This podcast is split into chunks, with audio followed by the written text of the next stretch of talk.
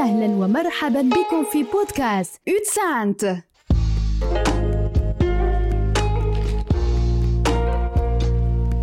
أو danser أو كإيميسيون بودكاست لا Du lytter til Utsendt. A podcast from Norwegian Lutheran Mission. Ja, Velkommen til en ny podkast. I denne episoden så skal vi snakke litt om strukturen på misjonsfeltene til Misjonssambandet. Hvordan er egentlig arbeid organisert? Hvem leder utsendingene? Hvordan fungerer det i praksis, og hvem bestemmer hva? Gjesten i dag det er Olav Vestbustad fra Misjonssambandet Utland. Velkommen til podkasten. Tusen takk. Det er jo sånn at uh, Dette er kanskje en episode uh, og et tema som folk ikke visste at de, de savna. Først forklar litt uh, hva er det en regionleder i utland gjør for noe? Regionleder i utland har ansvar for ett misjonsfelt, eller det er flere misjonsfelt. For min del så har jeg to misjonsfelt per dags dato som jeg har ansvar for. Og da er det jeg som sitter i Norge og følger med på det som skjer ute, og blir på en måte kontaktperson for felt inn mot hovedkontoret, og vice versa. Jeg melder òg ting fra hovedkontoret og ut til feltet. Ja. Hvilke felt, felt, er det du har spesielle ansvar for? Jeg har Indonesia og Stor-Kina. Stor-Kina er jo fastlandskina, Hongkong og Macau og Taiwan. Ja. Det er jo sånn at uh, regionlederne i, i, utlandet ja, Hvor mange er det ikke? Det er jo Det er fire regionledere. Ja. Er det sånn at dere har på en måte ansvar for felt som, som holdt på å si, ligner litt på hverandre? Eller er det helt Det er litt begge deler. Ja. Mm. Og så skal du jo forresten snart ut på en jobbreise. Og da snakker vi altså om uh, konferanse. Misjonærkonferanse i Indonesia. Mm. I disse tider er det jo litt sånn konferansetid på feltene. Ja. Så da kan vi jo komme uh, tilbake til. Men jeg, jeg, jeg, må jo Kanskje dette blir litt på sida, men jeg må jo spørre deg litt. For du er jo en bereist mann, og jeg følger deg på, på Instagram. Uh, og da vil jeg jo benytte anledningen til å spørre deg hva er greiene med disse kummelokkene? Kumlokker er en grei måte å få uh, med seg en enkel suvenir fra de plassene jeg reiser til. Ja. Så jeg tar bilder av de, og så legger jeg de ut på Instagrammen min. Ja. Så jeg har en god del kumlokk på Instagram. Det er jo, ja, jeg ser den at de er litt, de er litt for tunge til å ta med seg. så så, men jeg har skjønt at det er en bevegelse som tar bilder av disse kummelokka? Ja, vi er en gjeng. Eh, både i no, noen få i Norge, men eh, Europa, Tyskland er det litt stort, og ikke minst Japan. Der er det kjempegreier. Jeg har jo sett disse, disse her disse Japan, ja, kanskje asiatiske kummelokka. De er litt tøffe. Mm. Spesielt Japan. De er veldig kreative. Og hver by, tettsted eh, og firma har masse forskjellige design på kummelokka sine. Ja, wow. Og fargerikt. De maler de alle fine farger. Ja, ja, ja. Mm. Kjempegøy. Hva, hva, er bildet på kumlokket her, da, på, utenfor Fjellhaug? Nei, her ligger det litt forskjellig. Du har jo det Oslo-kumlokket, som er med Sankt Halvard, eller byvåpenet, da. Ja. Og så I tillegg så ligger det bort på utenfor hovedkontoret her, så ligger det et som er helt ordinært, men er støpt av Ilajern. Ja. Det er ganske få av de. For de fleste er jo enten Furnes eller eh, Ja, nå sto jeg jo stilt, da. Det er jo pinlig. Men eh, i Telemark er Ulefoss. Oh, oh, ja, så, så, så uh, det her var interessant. Så, så selve kummelokkmaterialet er også en greie? Altså, uh... Ja, det, det, har ikke så mye å si hvem som har designa det, men i Norge så er det to store. da. Det er ja. Furnes og Ulefoss som er de store. Hjelp meg. Det her burde vi hatt en egen podkast om. Ja. Nå blir jo overgangen da Kanskje egnet for klipping. Og... Men altså, la oss uh, på en måte ta litt, uh, zoome litt ut og se litt på strukturene på, på, feltene. Og Er det mulig for deg å bare gi oss et sånn organisasjonskart når det gjelder feltene? Ja, jeg kan jo begynne med den som er daglig leder på feltet. da.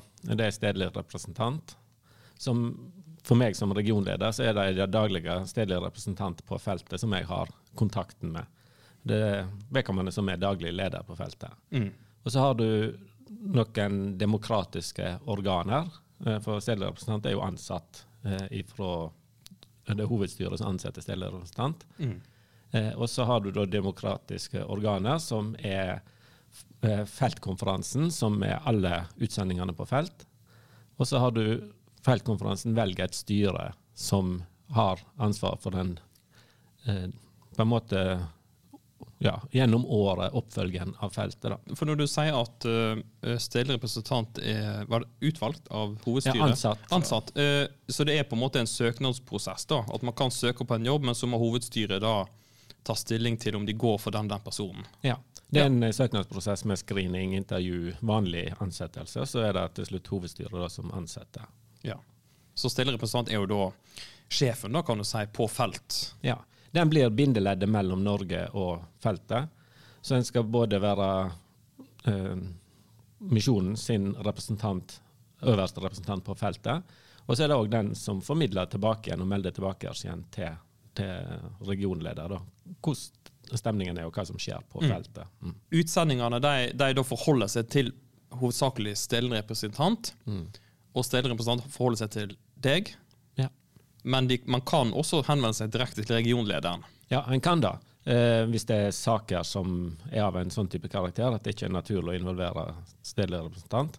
Men eh, hvis en tenker linjeforhold, da, så er det, er det gjennom stedlig representant for de som er utsendinger på felt, Ja. i hovedsak. da. Mm. Mm. Og så, ja, og, og, og dette styret, da, feltstyret, eh, da, blir jo, da, er jo, eh, da blir man valgt inn. Altså misjonærene som er på felt, der blir det valgt inn i dette styret. Ja, det, når det skjer på årskonferansen eller feltkonferansen eller misjonærkonferansen, Ja. alt etter hva Ja, for oss, en bruker. Mm. ja, for la oss gå litt over til misjonærkonferansen. Eh, og, og det er jo det som skjer i disse tider. Nå er vi altså i, eh, i februar-mars. Eh, og, og det er sånn at hvert år, eh, nei, en gang i året, så, eh, så samles utsendingene til denne konferansen.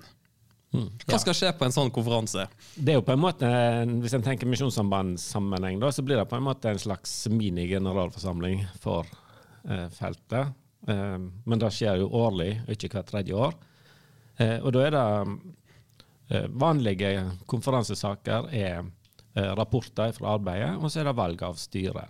Og så er det òg strategiske eh, diskusjoner og eventuelt en vedtar lokale strategier for feltet sitt arbeid. Sånn at mm.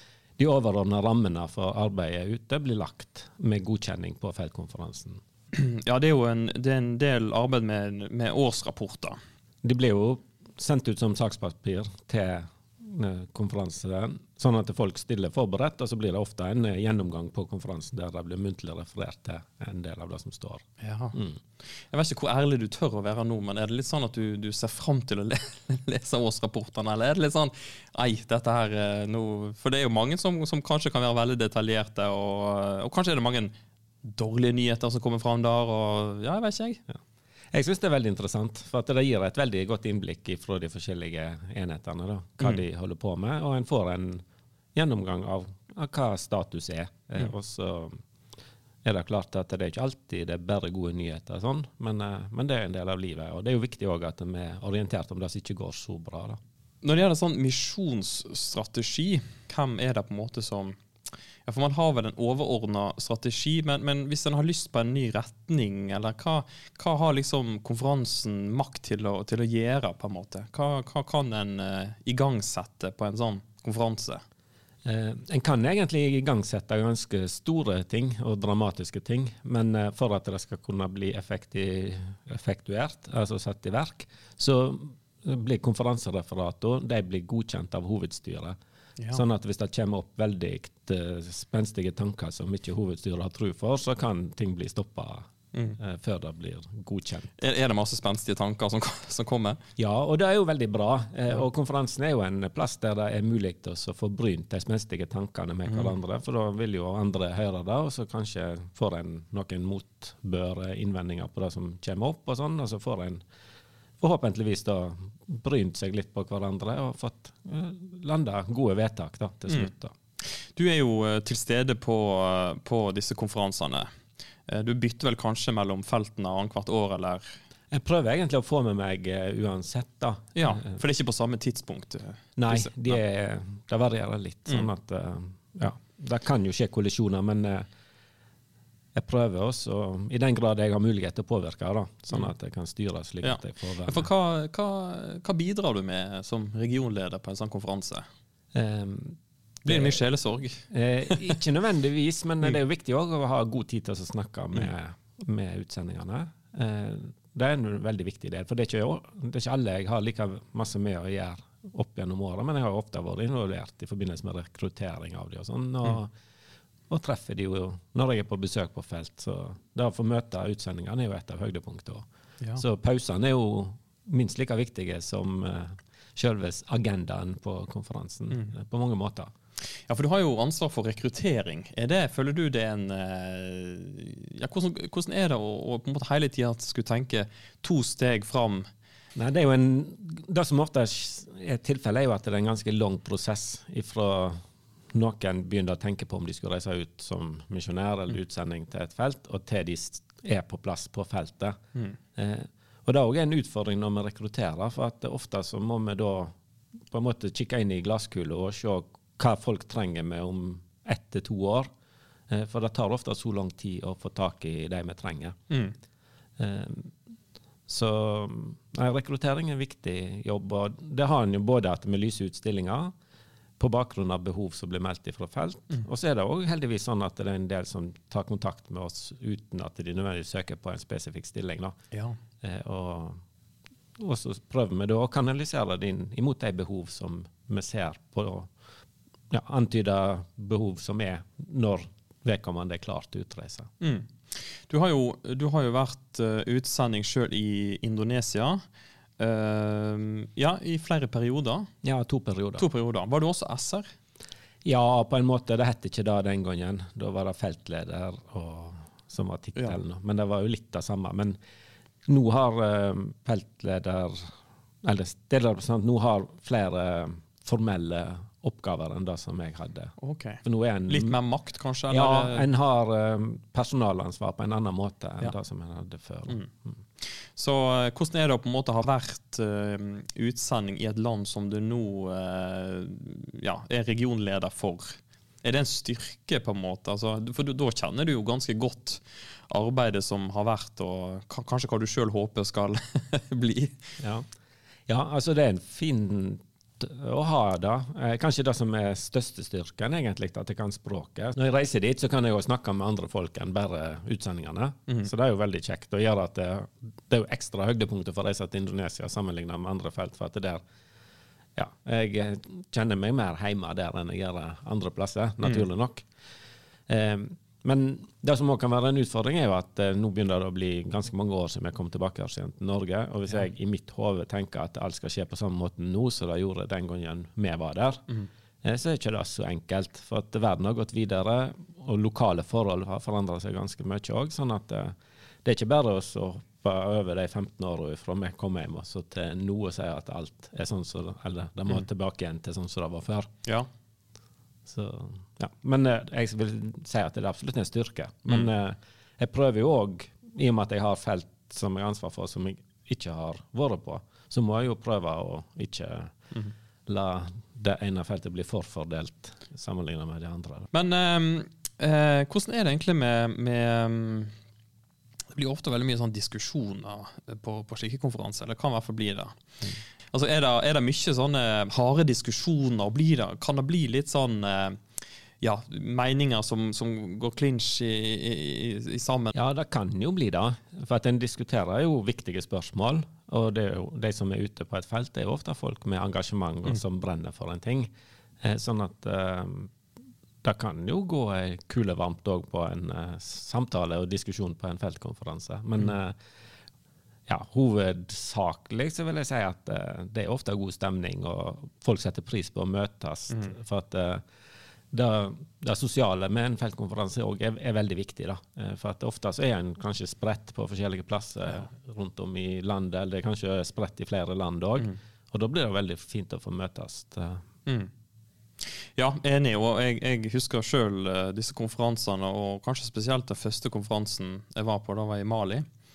Eh, ja, det var litt det var, det var flott med det fellesskapet, som du sier. At man, man eh, kan eh, holdt på å si, være saklig uh, rundt, rundt bordet med, med, med selve konferansen, og så ha det, ha det fint da, i, som misjonærfellesskap i etterkant. Og så er det jo Åndelige aspekt òg er Ja. jo viktig. altså Oppbyggelse. For mange opplever jo Kanskje det er enklere nå enn det det var før, da, med at en får tilgang til oppbyggelse på sitt eget språk, med at vi kan laste ned masse på internett. Ja.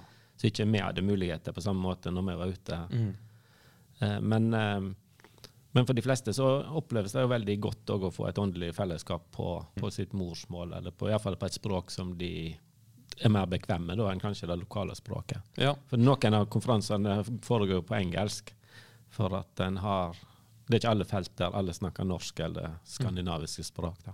Eh, Men er det noe som du tenker går igjen på alle konferansene? Det er jo, det er jo ulike kulturer og ulike personligheter, og sånn, men er det noe som på en måte det er ikke regionlederne møtes og tenker dette her går igjen på alle felt? Eh, altså, konferansene lever jo veldig sitt eget liv, og det, noen felt har jo en veldig sterk konferansekultur.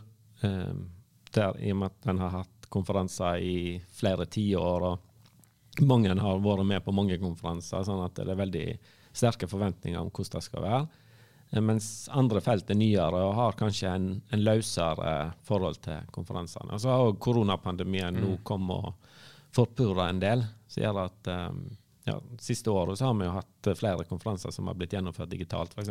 Ja. Og da med eh, besøk av gjester har òg blitt vanskeligere nå siste året. Så um, ja, for min egen del så har ikke jeg fått vært på feltreise på to år. Jeg tenker jo også litt grann på dette her med eh, Ja, vi har snakket litt grann om dette feltstyret. Og så er det jo klart, det kom jo nye misjonærer ut. Eh, og kanskje, eller mange av de har jo gått eh, kanskje misjonsskole og, og har på en måte holdt på å si, litt sånn misologi i, i blodet, men det er ikke alle som på en måte har gått den skolen. da. Har man satt noe sånn her eh, ja, hva skal jeg si, en slags karantenetid for nye misjonærer. For at, grunnen til at jeg spør er jo at jeg sjøl opplevde jo å ganske fort komme opp i problemstillinger som på en måte var veldig vanskelig å ta stilling til. Og, som, som ny så har du nok med å liksom holde hodet over vannet og overleve, og ikke dumme deg for masse ut. Så, så skal en være med å bestemme ting, da. Ja, altså I grunninstruksen, som er det dokumentet som hovedstyret har vedtatt da, for ordninger på felt, så står det i normalen at eh, både med å ha stemmerett på misjonærkonferansen og å bli valgt til styret, så er det ett års karantenetid. da. Altså Normalt sett så skal en ha vært ett år på felt før en både har stemmerett og er valgbar til styret. Men så er det sånn at eh, av og til så det, må en, med tanke på å få fylt opp styret, så blir det jo henta inn folk som ikke nødvendigvis har vært et helt år på felt òg. Ikke sant? Vi har noen felt som er ja, nesten med sånn to-tre folk. Ja, noen felt er ganske små, og kanskje spesielt eh, altså, små i perioder. da. Altså, et feltstyre står normalt sett av tre personer. Du, det skal enten være tre eller fem, men de fleste felt har landa på tre.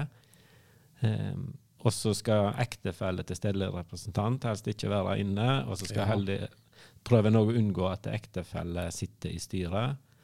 Og så har en kanskje noen som er i Norge en periode eller en stund. Sant? Sånn at eh, eh, da å alltid ha tre personer tilgjengelig til å sitte i styret utenom SR, da, Mm. det kan være en utfordring å få på plass. Og kanskje da, spesielt å få to varamedlemmer i tillegg, sant? så er du Mm. avhengig av sånn utgangspunktet ca. seks enheter på et felt da, for å ha, kunne plukke Mm. Ja, ja. et styre. Ja, det er, det er klart det er jo litt sårbart det der. Og jeg, og jeg tenker også at det her med, Nå har vi snakket litt om rekrutteringer, men, men eh, det kan jo også skje at, eh, at utsendinger må avbryte perioden eh, ganske kort tid etter de kom ut. Misjonsarbeid det- er ganske sårbart når, du, når man tenker på det, at man investerer såpass mye i, i disse som skal reise ut. Og så er ikke det alltid da, at, eh, av ulike årsaker da, at man må avbryte perioden og sånn. Mm. Hva tenker du om det? Det er jo en del av konseptet. da. Enkelte felt har jo opptil to års språkstudium. Og da, hvis en må bryte av etter to og et halvt år, sånn, så har en kanskje et halvt år i tjeneste og to år på språk. Så blir det jo ganske kostbart. Hvis en tenker ja, litt en familie sant, med, med barn som en har betalt internasjonal skole for, og så, videre, så blir det jo en ganske stor økonomipakke. da. Eh, men Misjonssambandet har valgt bevisst at vi ønsker å sende misjonærer. Vi ønsker å ha våre utsendinger. Vi ønsker å sende nordmenn ut. Altså, Mens andre organisasjoner har valgt å satse mer på lokale. Eh, for at en ser at det er en ganske kost, stor kostnad med å sende nordmenn, eller skandinavere, ut. Eh, men vi ønsker å ha det fremdeles, at vi sender òg våre egne, ikke Mm. bare sende penger som finansierer lokalt ansatte. Ja. Eh, Litt tilbake til dette her med hva, hva kan en misjonær eh, sjøl bestemme når det gjelder sin arbeidshverdag. Fordi at, eh, er det sånn at man av og til tilpasser arbeidet etter de, den kompetansen eh, utsendingen eh, ikke nødvendigvis har sagt at han har, men altså, oi, dette her fikk jeg lyst til. Dette er noe jeg nå brenner for. At man da spiller det inn til eh, konferansen og eh, ja. Ja, absolutt. Altså, en prøver jo å utnytte de ressursene som er. og så I rekrutteringsfasen så er det jo både at vi, vi rekrutterer folk som vi ser har spesiell kompetanse, for at vi vet at det er et behov på felt. Men så hender det òg at en får opp uh, på noen overraskelser da, som kan slå veldig heldig ut, som gjør at arbeidet kan ta en ny vending ved at en ser at det her er det folk som eh, har kommet inn på en eller annen måte med, med spesiell eh, utrustning som er eh, nyttig å få utnytta på feltet, eller få brukt på feltet. Ja. Jeg tenker jo nå, nå når vi snakker om det, så tenker jeg jo fort på, på han Vi har jo en amerikaner i Mongolia som eh, er fryktelig glad i ishockey. Der, eh, der man har på en måte bygd det videre og, på en måte hatt en eh, Nå utvikle en barne- og ungdomsklubb som satser på skøyting og ishockey. Og da eh, var vel egentlig fordi at han tok initiativ for at han brant litt for dette med ishockey. Ja. Han eh, likte det for sin egen del, og hadde med seg litt utstyr som han eh, delte eller gjorde det tilgjengelig for andre. Da, så skapte, ble, det, ble det en greie, og nå er det jo plutselig blitt en kjempestor greie med flere hundre som går på isen hver eneste dag. Og En annen eksempel er jo Arven etter Adam-prosjektet som vi har i Ja. Øst-Afrika. Der Roger Gillemoen som ble ansatt, han var egentlig med som han med på lasset for at kona ble ansatt som lærer. eh, og så har han veldig spesiell utrustning med tanke på å lage animasjonsfilmer. Og så har det blitt en, et ganske stort prosjekt, eller egentlig et veldig stort prosjekt. Men det som er utfordringen her, er jo at eh, noen har kanskje en kompetanse som en ser passer godt innenfor gjeldende strategi, og så er det andre som har interesse av ting som en ser Hvis en holder på med det, så bryter det med de overordna prinsippene for sånn som vi ønsker å, å drive arbeidet vårt. Men uh, f.eks. det med filmskapingen, det var lett å se at det her er det mulighet til å få ut evangeliet til, til folkegrupper som ikke har eh, eh, sånne ressurser tilgjengelig for barn og ungdom. Da. Og Så det- sammen med det ishockeyprosjektet òg. Altså her eh, kan en bruke det for å oppnå de strategiene som vi vet at Så, så mest sannsynligvis da, eh, så har ishockey, både ishockeyprosjektet og filmprosjektet har vært oppe i disse misjonærkonferansene, og så har man snakket om det. og Og så har styret sikkert fanga det opp før det kommer til konferansen. Men så blir det tatt med det, og så gir en sin tilslutning til at dette er noe feltet ønsker å gå for, og så må det godkjennes i Norge. I, på, i hovedstyret. Ja, Hovedstyret òg, som Ja. gir sin endelige godkjenning til dette. Ja. Det, jeg syns det er kult at, at, uh, at man åpner for sånne, sånne holdt på å si, personlige initiativ, da, men samtidig er det veldig ryddig og, og, og godt rotfesta i organisasjonen. For det Ja, er for det, ja, for det er viktig at, det- at det det ikke bare blir sånn enkeltpersons eh, engasjement. Eh, det må være feltet som eier arbeidet. For heldigvis så blir det store spenninger hvis en føler at eh, nå er det han som får realisert sine ting, mens jeg som har mine ting som jeg brenner for, jeg får ikke lov til å blomstre på samme måten, da, for nå er det bare vedkommende. Og så um, for det har jo òg med finansiering å gjøre. Ja. eh, sant? Og eh, vi har i Misjonssambandet en ordning med at eh, vi samler ikke inn penger til den enkelte samler ikke inn penger til seg sjøl og det som den holder på med.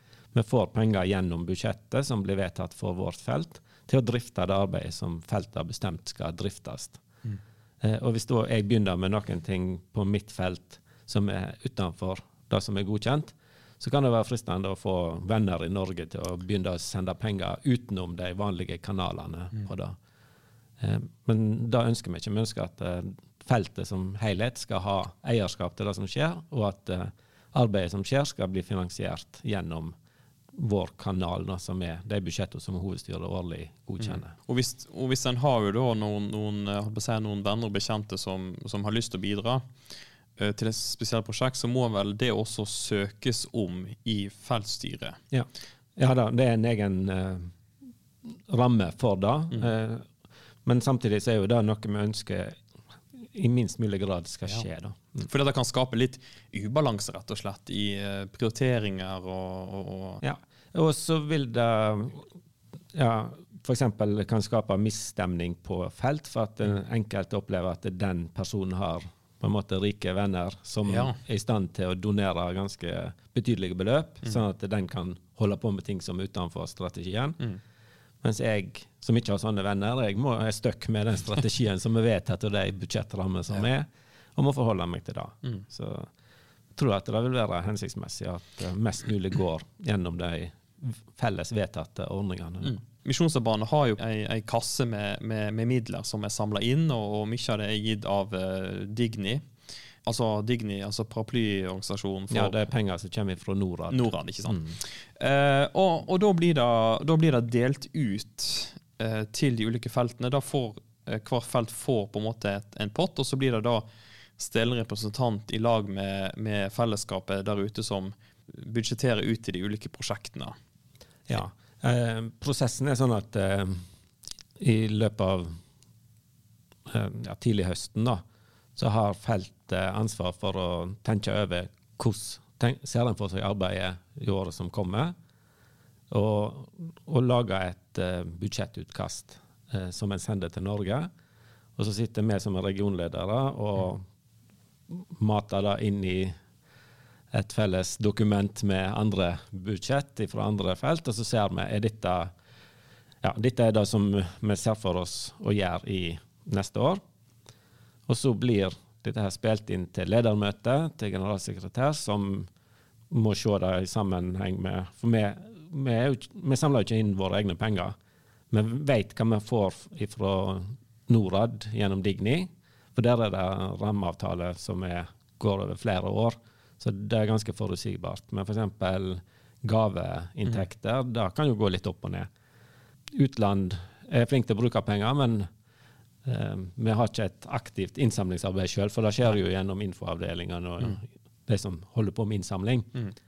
Eh, så da ser vi hvor mye penger vi ser for oss å bruke.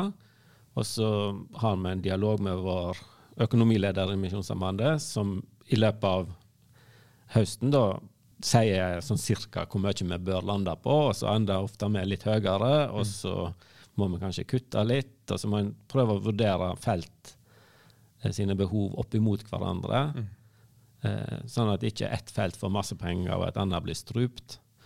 Eh, Men så- det, er litt sånn, det er litt sånn forhandlinger? Altså, ja, litt, altså Utfordringen til slutt er jo at eh, hovedstyret som skal godkjenne både inntektsbudsjettet og utgiftsbudsjettet, og det skal jo helst gå i hop på et eller annet vis. da. Ja. For vi har ikke, en, har ikke noe fond som vi kan bare høste ifra hvis vi, hvis vi ikke går i, kommer i mål.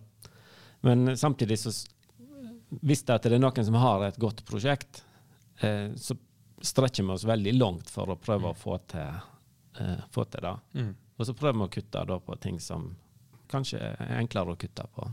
Men det er alltid, høsten er ofte en litt sånn, om ikke trasig tid, men iallfall det, det med penger står litt i fokus noen måneder på høsten.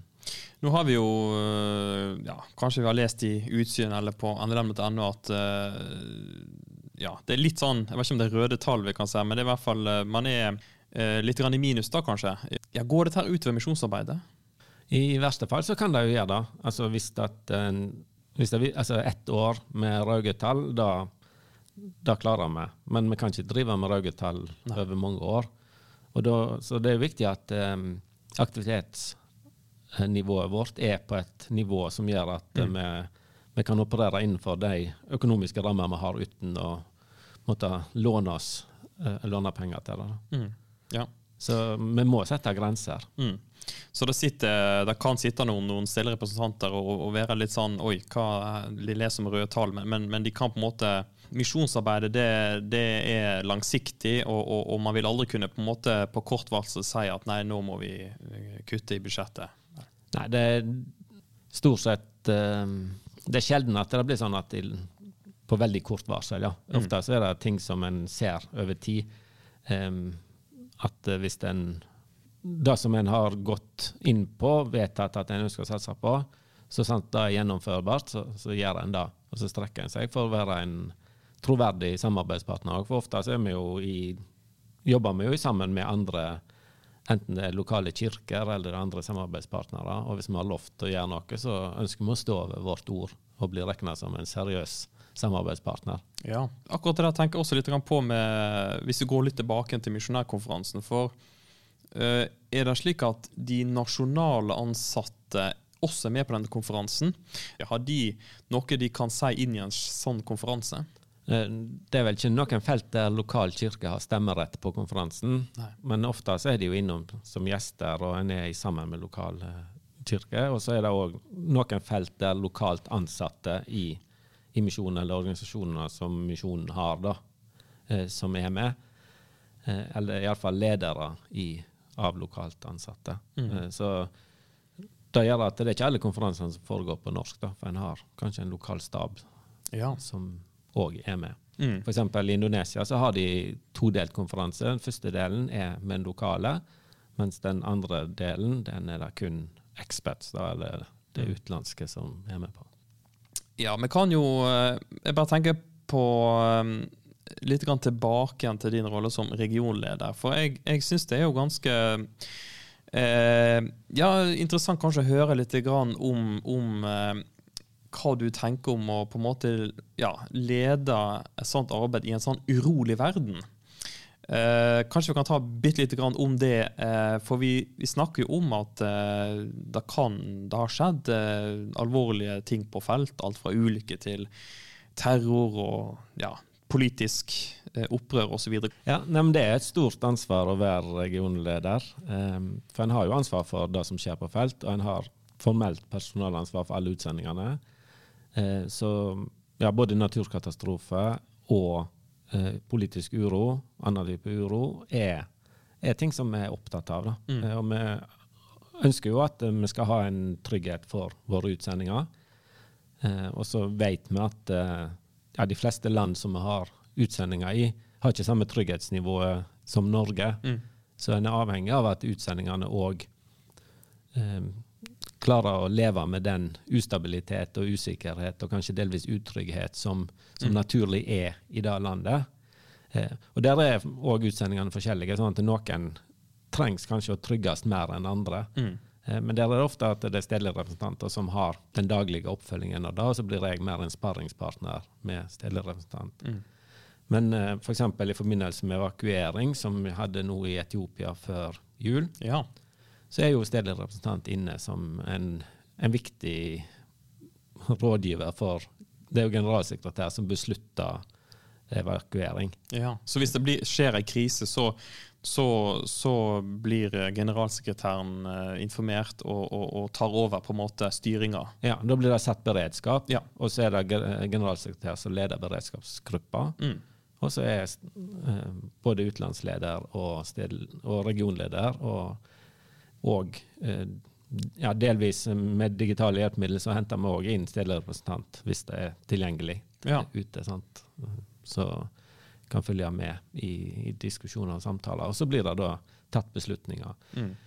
Og da kan jeg jo oppleve at um, de som er ute på felt, kan se forskjellig på de beslutningene som blir tatt. Noen vil være glad for beslutningen, andre vil være misfornøyd med beslutningen. Noen mener at en bør evakuere tidlig, og noen mener at en bør være på plass så mm. lenge som mulig.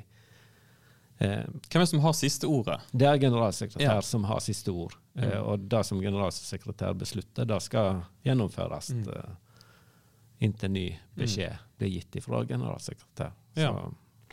Så er, jo, uh, så er, det jo, ofte sånn, ikke ofte, men, men, man kan også se at mediebildet også er veldig annerledes. At kanskje i Norge, hvis det skjer en krise, da ser veldig dramatisk ut, men de som er på felt, merker lite til det, på en måte.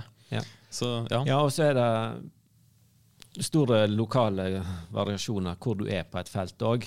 Eh, og så kan en tenke at eh, OK, lokalt her jeg er, så virker ting trygt. Mm. Men så er det sånn at eh, hvis ting eskalerer og utvikler seg, så kan en oppleve at f.eks. alle flyplasser blir stengt, som gjør at en kommer ikke ut. Og hvis det da blir borgerkrig og store spenninger, så selv om du er på en relativt fredelig plett, så kan du bli stuck der eh, og ikke komme deg ut. Mm. Og da er det jo en avveining for oss som sitter i Norge. Ønsker vi å ha folk som er stuck på et felt, og de ikke vet hvor lenge det er, eh, eller tar vi de ut så, mens det fremdeles er mulig å få de ut? Ja. og så kan det jo vise seg OK, faren eh, farebildet, trusselbildet, ble dempa, sånn at folk kan reise tilbake igjen. Og da kan det i etterkant se ut som at denne evakueringen var litt meningsløs. Mm. Men så, motsatt fall da, så kan det jo skje at en OK, en velger å ikke evakuere.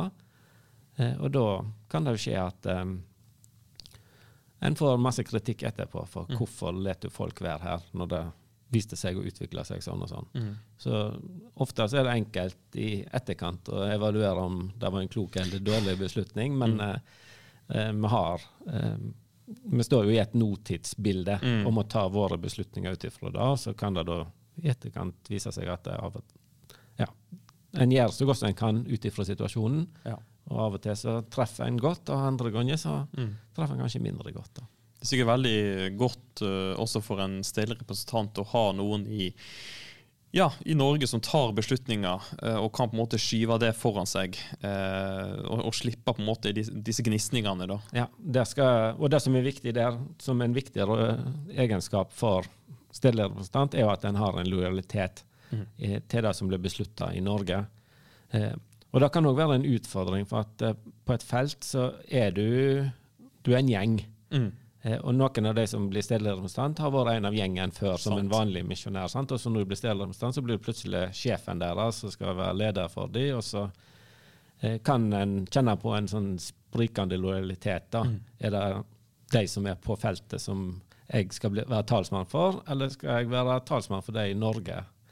Og så står en i den spenningen. Så en stedlig må leve i den spenningen, og en skal for så vidt være kanalen fra feltet tilbake igjen til Norge, men en er òg ansvarlig for at det som blir vedtatt i Norge, blir implementert implementert på felt. Ja. Så du, men da, da betyr at du er ganske tilgjengelig eh, døgnet rundt? Ja, på en måte så er jeg jo da, samtidig så kan jeg ikke gå i konstant alarmberedskap. her. Det er viktig å klare å slappe av innimellom, men så er det Så når ting er stabilt og sånn, så prøver jeg å gjøre det. Men samtidig så er det viktig å være på når det, når det kreves. da. Ja. Ja, nei, men Kjempebra. Da tror jeg vi har snakka ganske greit om, eh, om eh, ja, struktur på felt. Eh, Jeg håper lytterne har eh, ja, eh, blitt opplyst på, en, eh, på, på dette her. Og jeg kan vel kanskje også avslutte med å, å, å, um, å tease en ny miniserie som kommer snart uh, her i denne podkasten. Uh, og ja, kanskje du òg skal lytte litt ekstra på den, Ola. For det, det er altså en, en miniserie som skal handle om, om to ferske utsendinger som da skal dra til Indonesia. Eh, dette her er da tatt opp i, i forkant, så, så vi skal ikke spoile hva som skjedde med dem, men vi skal altså følge dem ifra de, eh, de tar på en måte valg om å bli utsending eh, ja, til Indonesia. Så, så, så det håper jeg blir en interessant serie å følge med på. Ja, Husker du, Olav, sjøl når du de, første tida når du holdt på å si var ung og lovende og, og hadde verden for, foran deg, skulle bli utsending? Ja, jeg husker godt da. Mm. Og det som var situasjonen for oss, var at eh, etter at vi ble plassert i Indonesia, så skjedde det at alle utsendingene som var i Indonesia, ble kalt hjem til Norge for at Oi. samarbeid med lokal partner skar seg. Eh, sånn at feltet sto tomt i flere år. Og, Såpass. så Og så det vi- første du gjorde, var å bare reise hjem igjen, da? Nei, vi hadde ikke kommet ut, så Ah, vi var fremdeles i Norge. Men når vi reiste ut, så var, vi, var det ingen som tok imot oss på feltet. Vi kom til et helt tomt felt. Eh, Så det var jo òg spennende. Wow. For hadde jo en samarbeidsrelasjon til som hadde skåra seg noen år før, som vi skulle gå inn i. Så det var veldig utfordrende og spennende. Dere ble liksom pionerer på, på, på nytt. Ja, ble det. Wow. Dette her er en ny podkast. Det er absolutt mulighet, det her. Yes, nei, men tusen takk, Olav, for, eh, for tida di. God tur ut til uh, misjonærkonferansen. Takk for det. Eh, og takk til alle som har lytta. Utsendt. Det er en podkast produsert av Misjonssambandet. Og i redaksjonen så sitter også Elise Haugland og Narve Jonas Nystøyl. Eh, og produsent, det er meg, Leif Thomas Gjerde.